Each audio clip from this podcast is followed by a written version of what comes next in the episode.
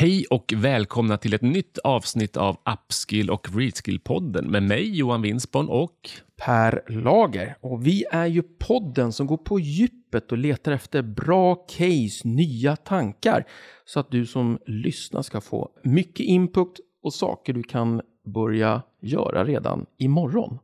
Och vi har ju aktörer från det offentliga, det privata, från Sverige och internationellt.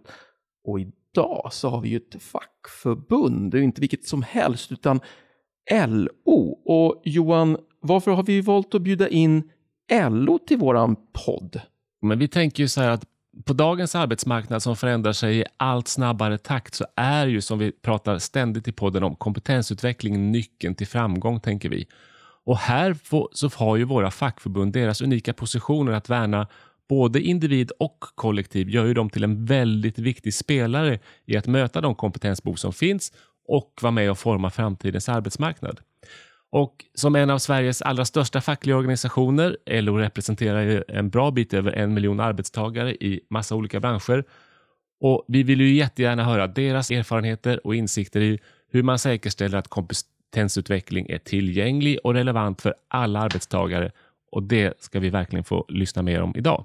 Och Dessutom kan ju LO bidra med perspektiv på hur man samarbetar mellan arbetsgivare, fackförbund och utbildningssektorn och hur det kan leda till mer effektiva och anpassningsbara utbildningsvägar för arbetstagare. Så det här kommer bli ett spännande samtal med LO om hur vi tillsammans möter morgondagens utmaningar inom upskill och reskill.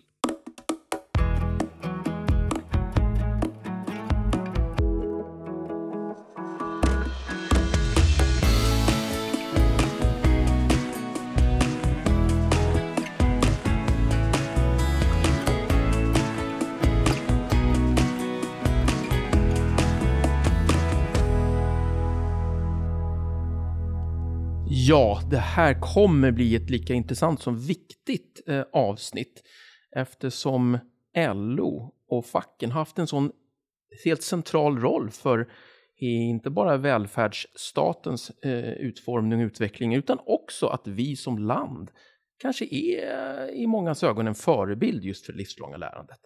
Därför är jag så glad att få presentera Thomas Karlén och Mia Nikali från LO. Och jag börjar med dig Mia, kan inte du presentera lite vad du jobbar med på LO? Absolut. Jag är utredare på LO och jag jobbar framförallt med yrkesutbildning och kompetensförsörjning.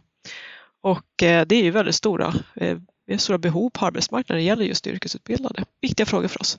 Ja, verkligen. Och så har vi Thomas. Ja, hej. Jag är LO-ekonom sedan eh, ganska många år tillbaka och de senaste åren har jag jobbat väldigt mycket med omställningsfrågor som ju blir i praktiken eh, frågor om det livslånga lärandet och utbildning och kompetensutveckling. Eh, och vi har jobbat väldigt mycket med förhandlingsbiten med Svenskt Näringsliv i de här frågorna på senare tid. Men också eh, mer än tidigare eh, politisk påverkan och försöka få regeringar att, att eh, driva en utbildningspolitik som, som vi vill ha. Kan ni, vi spinner vidare på det här lite. Hur, hur jobbar LO med den här frågan om det livslånga lärandet? Och har det utvecklats, förändrats någonting hur LO som centralorganisation arbetar med, med livslångt lärande? Ja, men vi eh, tar fram rapporter till exempel, vi ska prata mer om den senare. Men vi sitter också med väldigt ofta i olika expertgrupper. Du senast till exempel jag har suttit med i om yrkeshögskolan, framtidens yrkeshögskola, stabil, effektiv och hållbar. Det är en väldigt viktig utbildningsform för våra medlemmar. Och eh, just nu sitter jag också med i Flera vägar till arbetslivet, det är ytterligare en, en utredning. Och vi är med och gör seminarier och ja, uppvaktar politiker och försöker liksom driva våra frågor som, som är viktiga för våra medlemmar när det gäller just ut, utbildningsfrågor, kompetensförsörjning, eh, det livslånga lärandet. Och Thomas? Ja, eh, det där, allt det där gör vi absolut. Eh, och jag tror jag tycker nog att vi gör det mer än, än, tidigare. Vi har lyft upp de här frågorna högre upp på agendan. Vi anser att de är viktiga. Ibland vissa delar är eftersatta eller har varit eftersatta som vi försöker att, att lösa. Eh, och, men som, som eh, facklig organisation, som en av arbetsmarknadens parter så försöker vi också hitta vägar framåt i, i partsgemensamma eh, arbeten och i förhandlingar med våra motparter och för LOs del är det framförallt Svenskt Näringsliv. Eh, och det har vi gjort, eh, vi tecknade ett nytt huvudavtal för ett år sedan ungefär som innehåller väldigt mycket om omställning och utbildningsmöjligheter och så. Hela det paketet är väl en av de största reformerna på arbetsmarknaden på, på flera decennier skulle jag säga, så det är jättestort. Och nu jobbar vi mycket med att eh, implementera det här och, och, lösa en del barnsjukdomar och sånt som, som uppstår med nya stora saker. Hur, hur är samarbetet med arbetsgivarsidan när det gäller livslångt lärande? Ja, men jag tycker att den är, är, betydligt bättre än om man går tillbaka en 10 år eller 20 år. Eller så där. Utan nu har vi eh, hittat varandra och eh, jag skulle våga påstå att vi har ju samma syn när det gäller problematiken och behoven av det livslångt lärande. Alltså våra medlemmars kompetensutveckling är ju arbetsgivarnas kompetensförsörjning. Det är ju liksom samma, två sidor av samma mynt. Så att vi har ju gemensamma intressen kring detta och jag tycker att det har funkat väldigt bra, det, det här samarbetet. Vi har naturligtvis inte samsyn i precis allt. Eh, olika lösningar kanske och vem som ska finansiera olika saker och så kan vi ha olika syn. Men behoven av att göra något och behoven att få till ett sånt här nytt avtal, det tycker jag nog överlag funkar det ganska bra. Tycker jag. Det är glädjande att höra. Jag har en liten sista så fråga för mig innan jag släpper in Johan. Har trycket och förväntningarna från medlemmar när det gäller livslångt lärande och kompetensutveckling förändrats de senaste åren? Alltså jag tycker man ser våra förbund är väldigt engagerade i de här frågorna och vi har ju också ett utbildningspolitiskt utskott och det var någonting som kom till för, ja, jag vet inte om det är tio år sedan eller åtta år sedan, men det var ju för att man såg att den här frågan växer ju och eh, så att eh, ja, jag tycker att det, det har ökat, absolut. Hörrni, tack så mycket för den här inledningen. Nu vet vi lite mer om er och vi vet lite mer om hur LO jobbar med de här frågorna. Och Johan, då är det dags för lite kortfrågor. Precis, ni ska få lite kortfrågor på lite mer personligt plan faktiskt kring just lärande. Och här ska ni få en fråga som båda får svara på, men jag tänker att vi börjar med dig Mia. Hur lär du dig själv på bästa sätt? Har du någon favoritmetod när det gäller att lära dig saker? Jag kan säga så att om jag sitter till exempel och lyssnar på en, en föreläsning, då har jag märkt att om jag sitter och antecknar, då liksom skärper jag mig extra. Så det, det tycker jag är bra. Men sen, jag är, lyssnar väldigt mycket på liksom radio, på poddar och liksom, om jag tar en promenad eller om jag går på gym. Jag vill liksom lyssna på någonting. Eh, och det tycker jag också är ett jättebra sätt, så här vardagslärande. Och gemensamt för båda här tänker jag är ändå både anteckningen och lyssnandet är någon slags uppmärksamhet lite grann. tänker jag. Att man, ja, mm. precis. Exakt. Och jag tänker också att jobba med de här frågorna, utbildningsfrågor, det händer ju så otroligt mycket. Det kommer presskonferenser, det, det, liksom, det sker saker och då måste man ju också vara uppdaterad. Och då tänker jag att lyssna är för mig väldigt bra och också lyssna på väldigt många, jag tänker som webbinarier som, som sänds. Eh, det är också ett superbra sätt att hålla sig uppdaterad. Absolut. Thomas, hur lär du dig på bästa sätt? Då? Ja, eh, jag håller med Mia där om de där grejerna. Jag är dessutom en väldigt läsande person, läser böcker och tidningar och sånt, så där lär jag mig väldigt mycket. Eh, och rapporter och forskningsstudier och sånt på jobbet. Jag gillar att skriva så att, och då tvingas man ju att liksom tänka efter och formulera sig och sånt. Det tycker jag också är ett bra sätt att lära sig. Men i övrigt så är ju det man lär sig på jobbet egentligen varje dag oerhört viktigt. När man pratar och arbetar med kollegor och, och jobbar i olika grupper och sådär. Så att man lär av varandra, det är ju den stora, stora delen av lärandet egentligen för, för mig och för många andra, eller för nästan alla skulle jag säga. Och, och hur gör du för att ta, ta tillvara på det, det här viktiga vardagslärandet i jobbet? Det gör, man väl på olika sätt. Dels så eh, väcker det ju tankar som man sen kanske formulerar i text eller när man eh, deltar på seminarier eller i poddar eller så. Eh, så att man får ju intryck, inspel, nya tankar som man sen kan spinna vidare på. Hitta något att läsa om det som någon kollega pratar om och så. Men jag tror att det här samarbetet med, med kollegor på arbetet och på jobbet är ju eh, helt avgörande. Att man har ett utvecklande arbete när man får göra lite nya saker var och varannan dag eller var och varannan vecka. Det är det som eh, gör att man har ett, ett kontinuerligt lärande. Ni ska få varsin fråga till och jag tänker Mia, något som är väldigt roligt att höra om det är om man har någon egen framgång inom lärande, något som man är extra stolt över att här lärde jag mig något riktigt bra eller det här är jag. Har du någon sån här framgångssaga kring ditt eget lärande? Jag vet inte om jag har någon framgångssaga, men jag tycker att, eh, att byta jobb är ett väldigt bra sätt att lära sig på. Jag bytte jobb för tre år sedan och eh, på mitt tidigare arbete så har jag bytt arbetsuppgifter vid flera tillfällen och det är också ett väldigt bra sätt att lära. Så att jag säger nog lärandet i arbetslivet eh, och jag tycker att man ganska sällan pratar om det. Man pratar väldigt ofta om ja, det formella lärandet, man ska ha liksom sina betyg och liksom man har gått de här skolorna. Men, men jag tycker vi borde prata mycket mer om lärandet i arbetslivet. Ehm, för det är otroligt viktigt och jag vill nog säga att det är där som den stora delen av lärandet det sker. Och jag tänker vi ska nog prata mer om det alldeles strax. Men Thomas, något som också är kul att höra om, eh, förutom framgångar, det är att man har ett riktigt misslyckande när det gäller det personliga lärandet i bagaget. Har du något sånt du vill dela med dig av? Ja, jag har nog ganska många egentligen. Det, det är ju så, man lär sig eh, ofta och mycket så, så, misslyckas man lite. Men jag satt ju på tyska lektionerna i hela högstadiet och hela gymnasiet utan att lära mig någonting. Jag tyckte det var svårt, jag tyckte det var tråkigt. Jag tänkte på annat, tittade ut genom fönstret. Eh, och det ångrar jag. Jag skulle kunna nu åtminstone förstå en hel del tyska tror jag om jag hade varit uppmärksam på den där lektionen. Det var jag inte. Det, det märker jag ibland när man eh, reser och eh, har pratat med tyska fackföreningar till exempel. Att, eh, det saknar jag. Så det var ju dumt. Tyska kanske inte var det viktigaste för dig då kan man tänka sig. Jag tyckte det då, att det inte var så himla viktigt. Jag var mer intresserad av andra ämnen och satsade på dem. Men eh, jag satt ju ändå på de där lektionerna. Jag kunde ju åtminstone ha lyssnat så hade jag väl lärt mig någonting. Tack! Nu känner jag i alla fall att vi är uppmjukade. Och Per, ska vi göra så att vi dyker in lite mer på det här med lärande? Vi har redan fått lite inspel här. Ja, det här var ju en jättebra uppladdning för nästa tema som handlar just om, om synen på lärande. Vad är det för lärande som blir allt viktigare? Vilken typ, format, eh, pedagogik, didaktik som är viktigt? Jag tänker att eh, om vi försöker fokusera på, eller börja i alla fall på era medlemsförbund, de stora som Kommunal och Metall och deras medlemmar som som är medarbetare som ju verkar i en oerhört snabb, ofta en snabb eh, förändlig värld.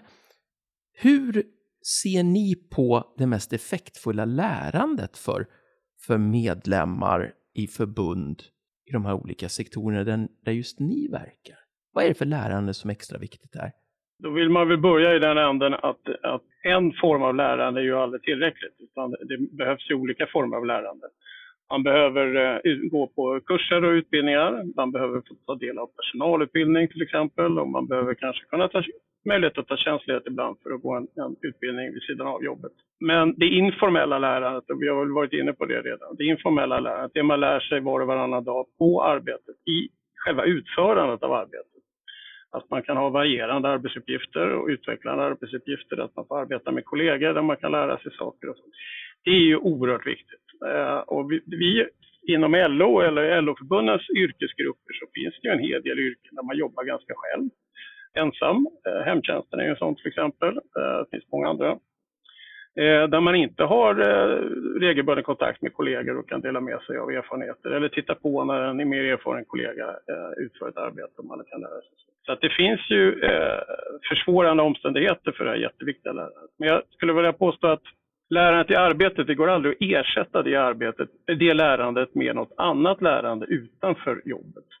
Eh, utan man måste helt enkelt, för, för, att ha ett livslångt lärande så måste man ha tillgång till ett utvecklande arbete där man lär sig hela tiden på jobbet.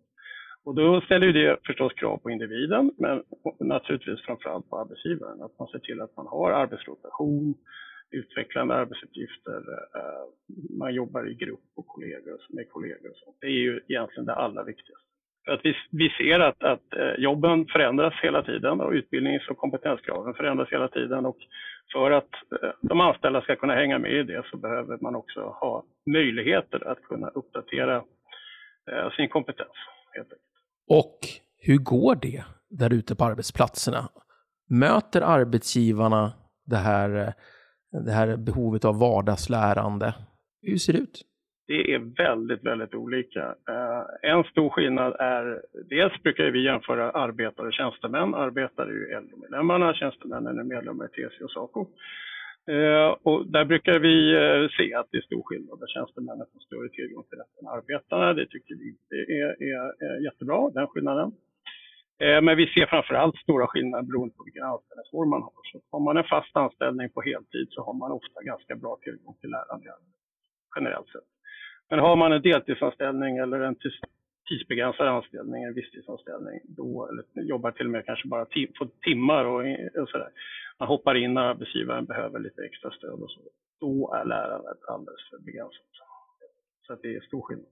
Och Mia, du har ju du eh, extra fokus på yrkeshögskola. Men eh, vad är dina kommentarer och hur tänker du kring det här med synen på lärande? Vad är det för lärande som är extra effektfullt, extra viktigt och kan du se någon förändring de senaste åren?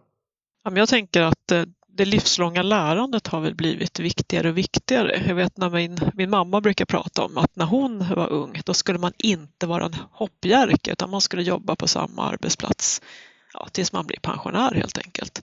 Men så ser ju inte arbetslivet ut idag utan ja, arbetsuppgifter kommer, de försvinner, de förändras och det där går ganska fort. Eh, och ja, I vissa sektorer så behöver man nya kunskaper och där måste arbetsgivaren eh, vara snabbfotad och, och sörja för det. Eller så kanske man känner att man vill, vill byta bransch och då finns ju nu det omställningsstudiestödet och det är ju otroligt fint att det är på plats där man under ett år kan studera och få en ekonomisk ersättning. Eh, och jag tror att det, det, är så arbetsmarknaden kommer att, eller det är så den har förändrats och den kommer, det kommer fortsätta. Och att eh, vi, vi, behöver nya kunskaper. Och här tänker jag att det är väldigt viktigt att man, att man som arbetsgivare verkligen stannar upp och funderar. Vad behöver min personal? Eh, det är så himla lätt när det är högkonjunktur. Hjulen rullar väldigt fort, vi hinner inte fundera på den saken. Nej, och så kommer lågkonjunkturen och då känner vi att vi har inte råd. Så jag tror man måste tänka på det här hela tiden. Man måste avsätta pengar och man måste avsätta resurser för att man ska kompetensutveckla sin personal. Men jag tänker också som arbetstagare så är det också väldigt smart att man bara sätter sig ner och funderar. Eh, det är så lätt, livet springer på. Man ska hämta och lämna barn och man ska laga mat och man ska jobba heltid. Men också fundera på vad skulle jag behöva eh, i arbetslivet? Jag tänker när man ska ha sitt utvecklingssamtal eller om man vill fundera på att, att göra någonting annat, byta bransch till exempel. Det där var ju många olika perspektiv som ni lyfte fram just på lärande. Men ska vi gå ett steg till Johan och komma in på, på lite case? Precis. En, kärnan i vår podd är ju att man faktiskt tar, tar med sig någonting som man är extra stolt över eller case som man faktiskt tänker att det här är saker som visar på framgångsfaktorer när det gäller det livslånga lärandet, upskill och reskill eller saker som man särskilt vill lyfta. Och jag vet ju att ni, precis som våra andra gäster, har lite bra saker med där vi kan gräva lite djupare. Mia, vill du börja med det? Vad, vad skulle du vilja lyfta där? Eh, ja, men då skulle jag vilja lyfta att vi har tagit fram en, eh, en rapport som heter Aktiv kompetenspolitik för livslångt lärande. Eh, och i den har vi eh, tagit fram, eller vi har liksom identifierat sju stycken byggstenar för det livslånga lärandet. Men innan vi går in på dem så tänker jag så kanske både över till Thomas, så kan väl du dra lite bakgrund här? Alla pratade väldigt varmt om det livslånga lärandet och behoven av det. Det var liksom samsyn på åt alla håll och kanter. Men det var ganska få som ändå kunde sätta fingret på hur gör vi då för att få till det livslånga lärandet? Och vad är det livslånga lärandet? Var sker det någonstans och vem ansvarar för det? Och det var därför vi, vi satte oss ner och identifierade de här sju delarna som då också olika aktörer har ansvar för de olika delarna. Och det viktiga att komma ihåg är att de, de kompletterar varandra till en helhet. Eh, så vi kan inte liksom, det är inte tanken att man ska kunna eh, stärka en del och, och, och, med det då kunna försvaga en annan del. Utan här måste man jobba brett. Eh, både parterna måste jobba brett men också inom politiken att det ska vara ett, mera, eh, ett samarbete mellan olika politikområden för att stärka livslånga på riktigt. Så vi ville gå från vackra ord till, till handling helt enkelt. Och det, det där tycker jag är jättebra, därför att alla pratar ju om det livslånga lärandet, men det blir ofta lite grann ett ord i sig själv som, som kan fyllas med så mycket innehåll och ibland bara bli en floskel där man kanske inte riktigt vet vad är det man pratar om. Så att då gräva på djupet och faktiskt som ni gör identifiera sju byggstenar för att definiera vad det är och hur man jobbar med detta är ju fantastiskt bra. Och då är vi ju supernyfikna. Eh, vad är de här sju byggstenarna? Då? Ja, men vi tänker att eh, gymnasiet är en viktig byggsten. Eh, och här ser vi att det är faktiskt ganska många som går ut gymnasieskolan utan att ha tagit sin gymnasieexamen. Jag tror att det är ungefär 75 procent som, som når målen. Så det är ganska många som inte gör det.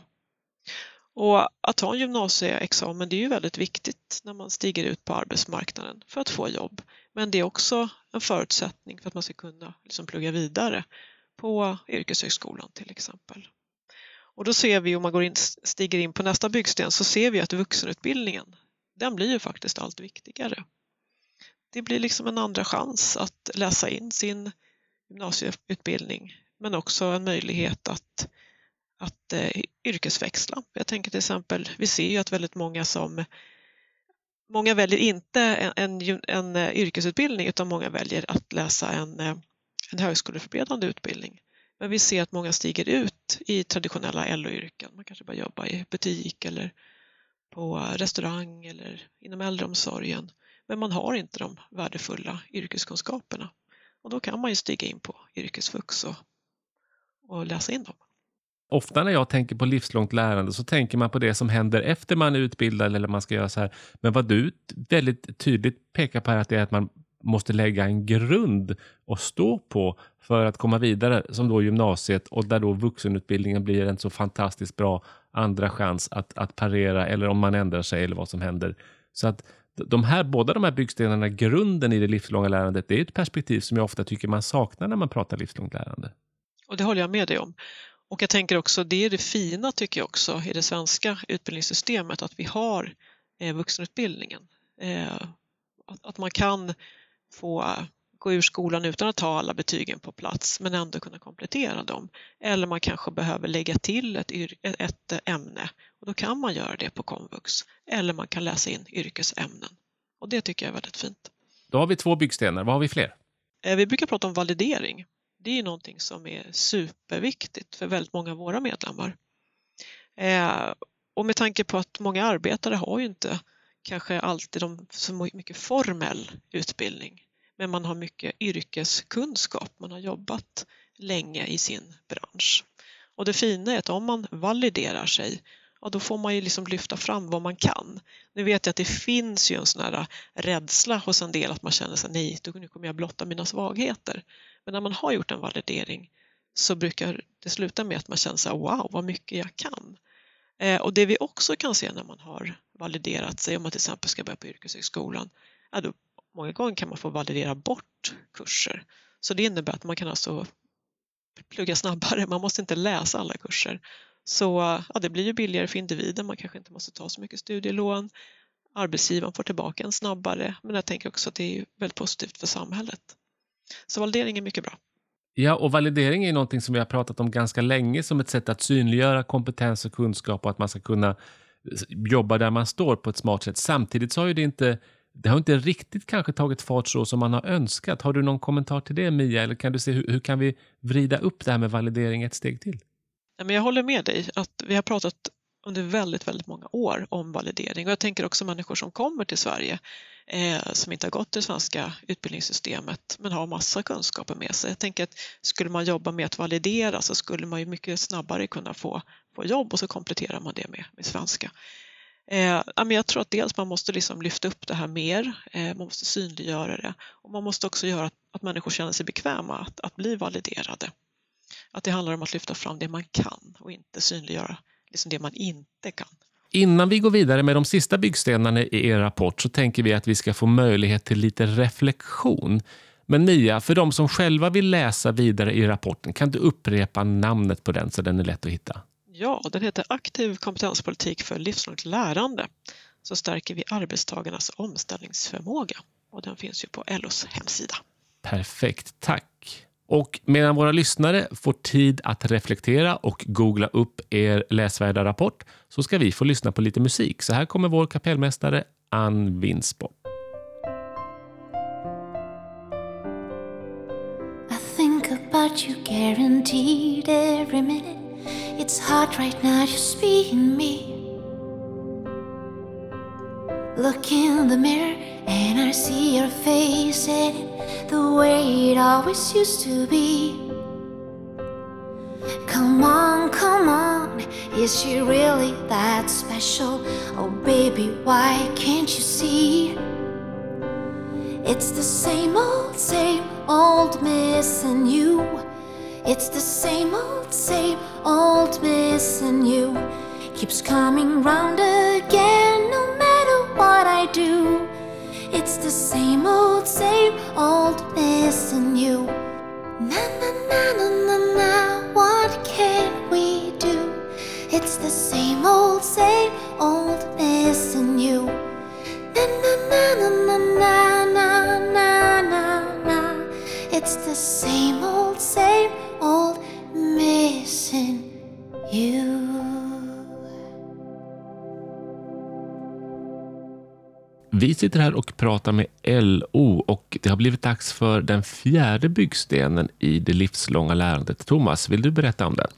Gärna det, gärna det. Ja, en viktig byggsten är ju vad parterna gör eh, tillsammans och då har vi gjort en hel del. Eh, två saker tänkte jag nämna där.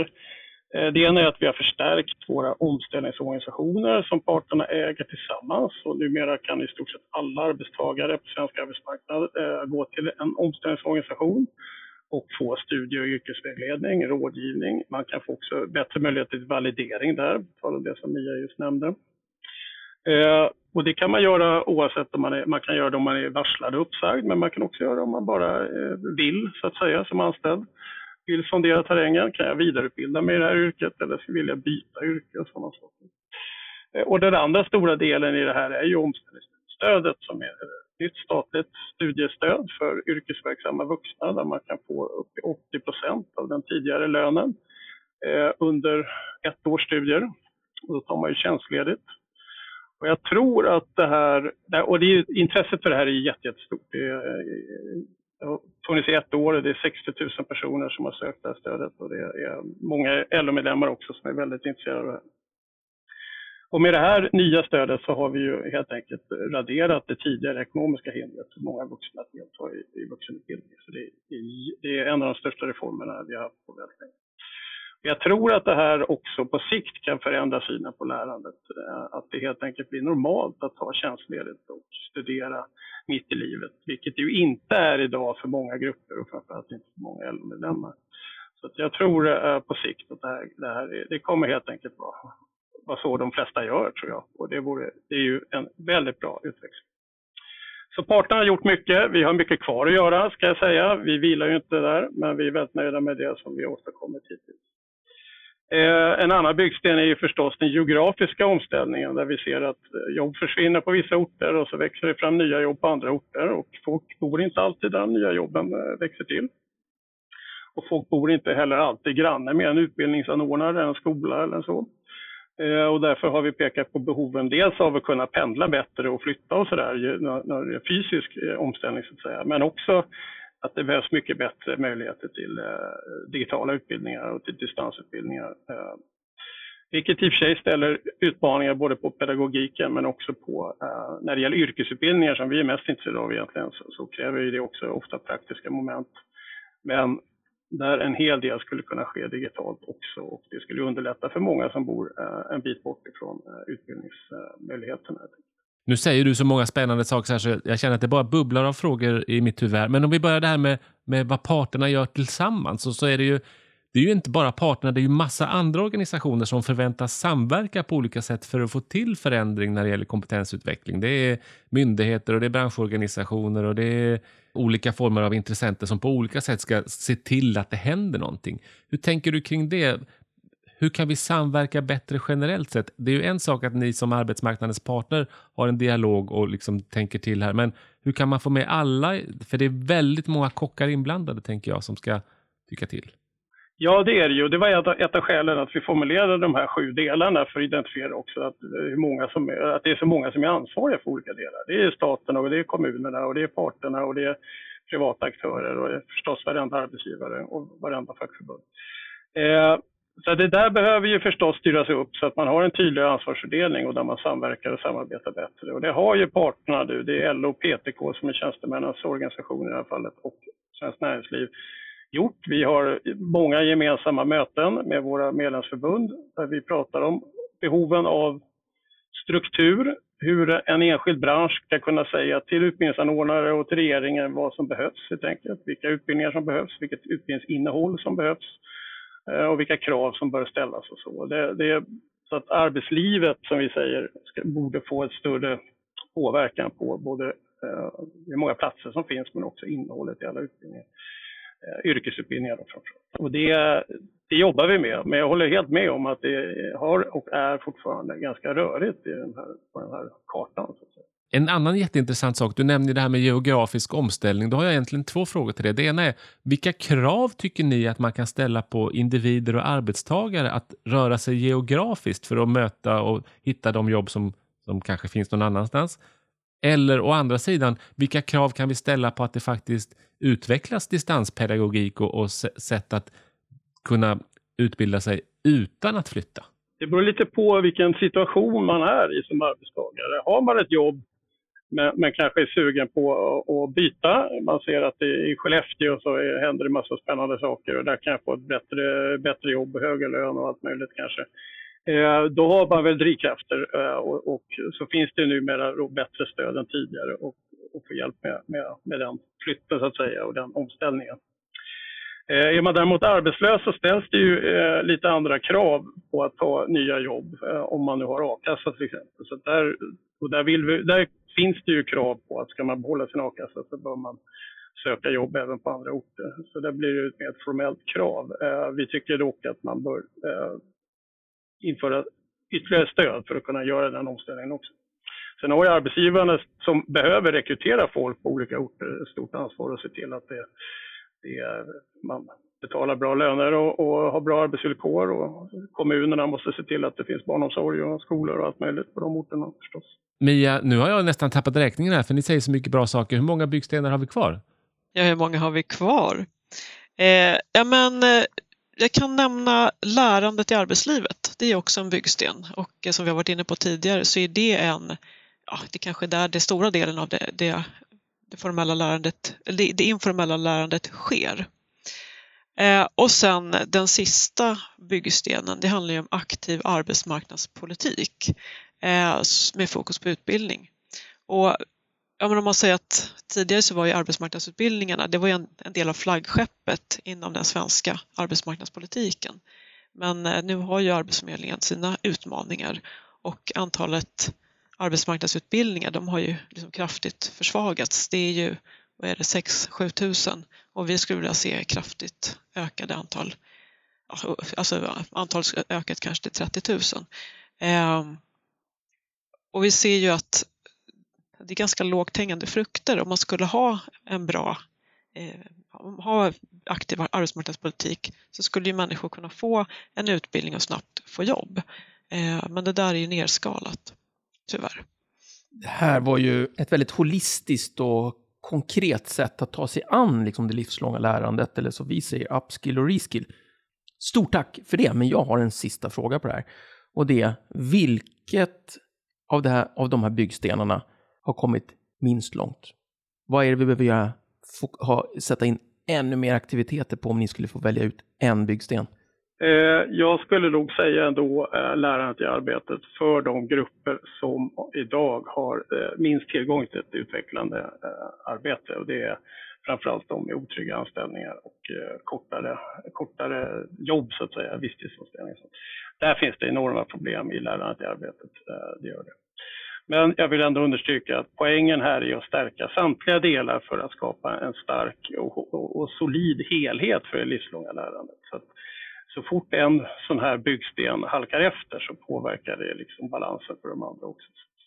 Inte glömma helheten. Jag vill nog också peka på lärandet i arbetslivet. Jag tycker att det är otroligt viktigt och jag tycker man pratar alldeles för lite om det. Men sen skulle jag vilja säga några ord om när det gäller omställningsstudiestödet. Eh, det som som Thomas var inne på så är det 60 000 som har sökt. Det är otroligt positivt. Eh, men det vi också ser som är väldigt eh, bra tycker jag, det är att när man tittar på vilka som har eh, fått beviljat ett omställningsstudiestöd så ser vi att en majoritet har blivit beviljad för att läsa på yrkeshögskolan, komvux, yrkesvux eller på folkhögskola. Så det är väldigt mycket yrkesutbildningar eh, som, som de som har blivit beviljade kommer att läsa. Och det är ju väldigt, väldigt positivt eftersom behoven är stora. Och jag kan säga att jag och Johan och Upskill Reskill-podden, vi håller med om det där eh, lärande arbetslivet, att det finns mycket mer att göra. Och det är faktiskt det vi har fokus på i den här podden. Att liksom hitta, sprida riktigt bra case på hur både arbetsgivare och arbetstagare på arbetsplatsen faktiskt tar sig an det där vardagslärande och gör det konkret. Eh, visa på ett, det smörgåsbordet som finns av, av små och stora aktiviteter som kan göra riktig skillnad. Så det är fokus i många av våra poddavsnitt kan vi väl säga. Men nu så säger vi tack så hemskt mycket för, de här, för det, här, det här caset, de här sju byggstenarna. Och då tror jag Johan att vi går in och börjar avrunda med lite kortfrågor. Jag hade faktiskt förberett en hel del kortfrågor av formatet hiss eller diss där ni skulle få ta ställning som rörde just lärande i arbetsliv och kollegialt lärande bland annat. Men jag känner att det är så öppet mål så de kommer ni inte få. Där vet vi redan vad ni kommer svara. Så ni ska få lite andra hiss eller diss-frågor och då tänker jag, jag börjar med dig Thomas. MOOCs, Massive Open Online Courses, hiss eller diss? Hiss, absolut. Och varför då? Eh, det är ju ett utmärkt sätt. Jag har gått, eh, i och för sig bara en, men eh, sådan. Men eh, på Världsbanken hade jag en om the future of work och eh, teknikutvecklingens påverkan på arbetslivet. Jätteintressant. Men man får ju en fantastisk tillgång till universitet och professorer och forskare och lärare över hela världen. Så det är ju en, en lysande sak. Det ställer dock vissa utmaningar på pedagogik och på dokumentation om och ska det vara också i yrkesutbildningssammanhang så krävs det vissa eh, man måste också kanske ha vissa praktiska eh, moment möjligen som vi har varit inne på. Men jag tycker att det är en jättebra grej. Tack för det. Mia, den här då? Tester i rekrytering. Är det en hiss eller diss? Oj, det tyckte jag var svårt. Ja, tester, men jag säger nog diss, jag vet inte. Jag, jag är lite tveksam till, det beror på vad det är för tester faktiskt. Eh, så. Eh, det kan ju vara jättebra men, men det kan ju också stänga dörren för folk. Jag vet inte, jag är tveksam. Och då får ni en sista fråga, den här kan ni få dela på båda två också. Vad tycker ni om en sån här gammal traditionell kursgård, Thomas? Hiss eller diss? Hiss. Jag älskar dem. Hiss. De, de borde K-märkas och uh, bevaras för all framtid. Vad härligt att höra hörni. Eh, kursgårdar, jag gillar dem också. Eh, och i rätt kontext så är de ju magiska att träffas där ute. Eh, men hörni, nu tänkte vi verkligen gå ner för, för landning. Och vi brukar ju avrunda genom att försöka zooma ut lite och titta lite framåt. Och då tänker jag, Sverige har ju varit en sån här förebild internationellt inom det livslånga lärandet, eller hur? Eh, och det var hem-PC-reformer och andra enorma saker, för att bara nämna något. Och nu har vi gjort några nya reformer eh, som är signifikanta, eh, omställningsstudiestödet och andra. Men vad ser ni framåt? Vad vill ni fokusera på? Både era egna roller och från LO för att utveckla det livslånga lärandet ännu mer? Ja, om jag ska prata generellt liksom, så hoppas jag ju att fler ska välja att läsa en, en yrkesutbildning och att vi ska eh, nej, men jag tänker att det är viktigt att kvaliteten är god inom yrkesutbildningen, att man pratar gott och man ser fördelarna med en yrkesutbildning. Och nu är ju högskolebehörigheten på plats. Det är ju någonting som vi är otroligt glada för och har jobbat hårt för. Och jag tänker att med högskolebehörigheten så om, läs, om man läser en yrkesutbildning ja, då får man ju liksom dels ett yrke och det finns ju otroligt stora möjligheter att få jobb. Och sen så kan man också studera vidare. Så jag tänker att det är väldigt, eh, det ger två yrkesutgångar. Det är ett eh, smart val, tänker jag. Och Thomas, vad, vad, vad, vad kommer du fokusera på och vad vill du att LO ska fokusera på för att bidra framåt? Ja, jag kan börja den här änden då att, att uh, det som vi har gjort nu är ju ett tydligt tecken på att den svenska modellen fungerar, som vi brukar kalla den, partsmodellen, att parterna kan ta ansvar och lösa saker. Och eh, eftersom arbetsmarknaden hela tiden förändras, där jobb försvinner, jobb skapas, jobb förändras, så kommer vi ju alltid, alltid, alltid att hålla på med de här frågorna. Eh, och det betyder att vi måste ändra hela tiden innehållet i utbildningarna, men vi behöver också ändra system eh, eftersom världen förändras med digitalisering och klimatomställningar och allt möjligt. Så att, eh, vi kommer helt enkelt, den svenska modellens fördelar är ju att den är eh, flexibel, den är, den är anpassningsbar och eh, det är en stor fördel vi har. När vi pratar om, om vår, vad vi gör med, med, våra kollegor i andra länder, fackliga kollegor i andra länder, så är de ju väldigt, väldigt avundsjuka. Och, eh, men det betyder att vi också måste hela tiden förvalta detta och förnya det hela tiden. Så att, det är ett ständigt jobb. Ja, spännande och då har jag en sista fråga här. Eh, Sverige är ju en förebild eh, fortfarande i, i stora stycken, precis som du säger Thomas.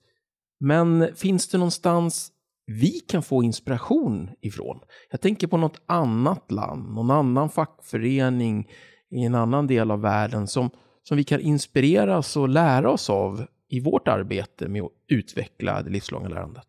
Ja, men det gör det ju naturligtvis. Och vi träffar ju eh, fackliga organisationer i, eh, från hela världen, men framförallt i Europa då, eh, och diskuterar de här frågorna. Det gör vi ju ständigt kan jag säga. Eh, när vi formulerade det nya huvudavtalet, eller omställningsstudiestödet, så, så tittade vi lite extra på Finland, som låg lite före i de här eh, sammanhangen.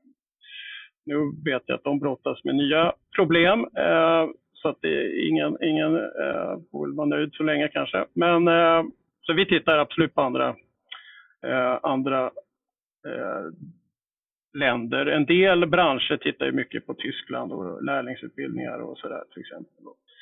Eh, så det, det inspireras vi alltid av. Men jag skulle vilja påstå att vi, vi nog kanske ännu mer är en inspirationskälla för andra fackföreningar i andra länder. Och Mia, vad vill du lyfta fram som kan inspirera Sverige? Jag tänker att mötas och samtala skapar alltid eh, ja, med nya tankar och ny inspiration. Så jag tänker att det är väldigt viktigt att man, att man möts EU, att man möts internationellt och att man blir inspirerad. Eh, och jag tänker att, jag vet våra nordiska grannländer, där har ju, man pratar om lärlingsutbildning, där har ju eh, eh, parterna oftast ett större, starkare inflytande på, alltså på grundnivån eh, i den gymnasiala utbildningen och det är ju positivt.